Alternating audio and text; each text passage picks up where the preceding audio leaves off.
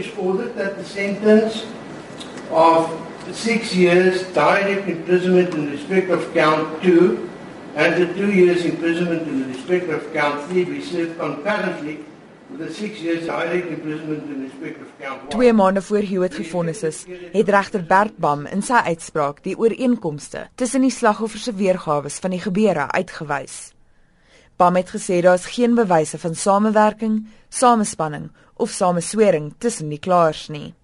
SABC nuus is egter in besit van dokumente wat bewys dat al drie van Hewitt se slagoffers voor die verhoor met mekaar kommunikeer het.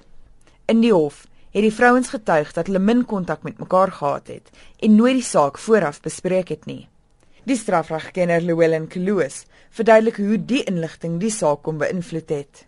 Duidelik is daar geen vasgestelde reël dat 'n getuie nie met mekaar kan praat voor die tyd, maar dit beteken nie dat dit nie 'n wesenlike invloed op hofsaake het nie. Uit die aard van die saak is dit hoogs onwaarskynlik dat 'n persoon geloofwaardig bevind gaan word as daardie persoon se getuienis uh, beïnvloed is deur 'n uh, ander getuie se getuienis. Duidelik uh, kon hulle mekaar beïnvloed het een kant toe of ander kant toe en dit is nie die belang van regspleging nie. Waar daardie getuie byvoorbeeld geheel en al ontken het dat hy enige gesprekvoering of kontak gehad het met ander getuies, maar agterna blyk dit dat dit nie waar was nie. Dan is dit tog duidelik dat daardie getuie onder eed dan 'n leuen vertel het en is dit dan die prerogatief vir die staat om vervolging te initieer op grond van my eed. Korrespondensie in SABC nuus se besit wys ook dat twee van Hewitt se slagoffers beraadslaag het of hulle wel 'n strafregtelike saak sou hê indien daar geen penetrasie met 'n penis plaasgevind het nie. In die korrespondensie bespreek Sheehan en Tolkien die definisie van verkrachting byna 3 jaar voor die verhoor. Kloos verduidelik hoekom dit belangrik is. Omdat Hewitt onder die ou wet op seksuele oortredings verhoor is, word slegs penetrasie deur 'n penis as verkrachting gedefinieer. Enigiets minder is dit het dood eenvoudig nie neergekom op verkrachting nie en behoort te beskuldigde dan onskuldig bevind te gewees het aan 'n verklagte van verkrachting. Uit die aard van die saak is die enigste ander alternatiewe klagte wat dan bestaan het as sogenaamde onsedelike aanranding onsedelike aanranding sou dan onder die verjaringstydperk geval het wat beteken 'n persoon kon nie daarop reg gestaan het nie. In die korrespondensie vra een vrou herhaaldelik of enige ander tipe penetrasie as verkrachting sou tel. Die ander vrou sê vir haar dat daar geen nagevolge in Suid-Afrika sou wees as penetrasie met 'n penis nie plaasgevind het nie. Kloos sê dit is onmoontlik om te voorspel wat die appelhof met hierdie inligting sal maak. Die argument wat die verdediging waarskynlik sal opper, is dat die blote feit dat hierdie getuies oor een of twee aspekte leuns kondig het, behoort uh, die hof dan te noop om 'n uh, eh, afleiding te maak dat die geheel van hulle getuienis verwerp behoort te word as ongeloofwaardig. Maar die teenkant daarvan is natuurlik en ek kan my indink dat dit is sal, sal die staat se argument wees is om te sê maar selfs al is dit so dat daardie getuie of getuies oor een of twee aspekte alleen verkondig het. Dit nie in itself beteken dat die totaliteit van hulle getuienis verwerklik is uh, en ongeloofwaardig bevind moet word nie. Waar dit die geval is, 'n hof moet al die feite oorweeg en dan eers 'n bevinding maak.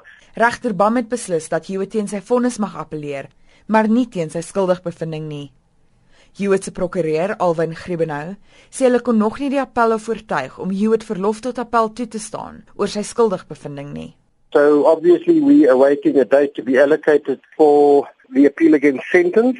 As far as the uh, refusal of our application for leave to appeal against the conviction is concerned, we filed a petition to the Supreme Court of Appeal requesting that the decision of the appeal court to refuse our client leave to appeal against his conviction be referred to the court for reconsideration.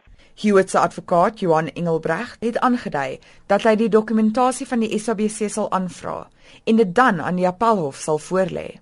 Hierdie is die eerste maal in die regsgeskiedenis wat ek van weet dat sodanige inligting tevore kom nadat die beskuldigde alreeds gefonnis is en na dat sy aansoek om verlof tot appel op die meriete by wyse van petisie geweier is.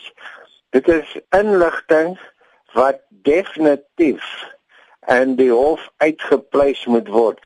Intussen het die hof in die FSA beslis dat Hewitt skadevergoeding van 16,6 miljoen rand aan een van sy Amerikaanse slagoffers moet betaal. Heather Connor beweer dat Hewitt haar in die 70's verkrag het terwyl hy aan die FSA afgerig het.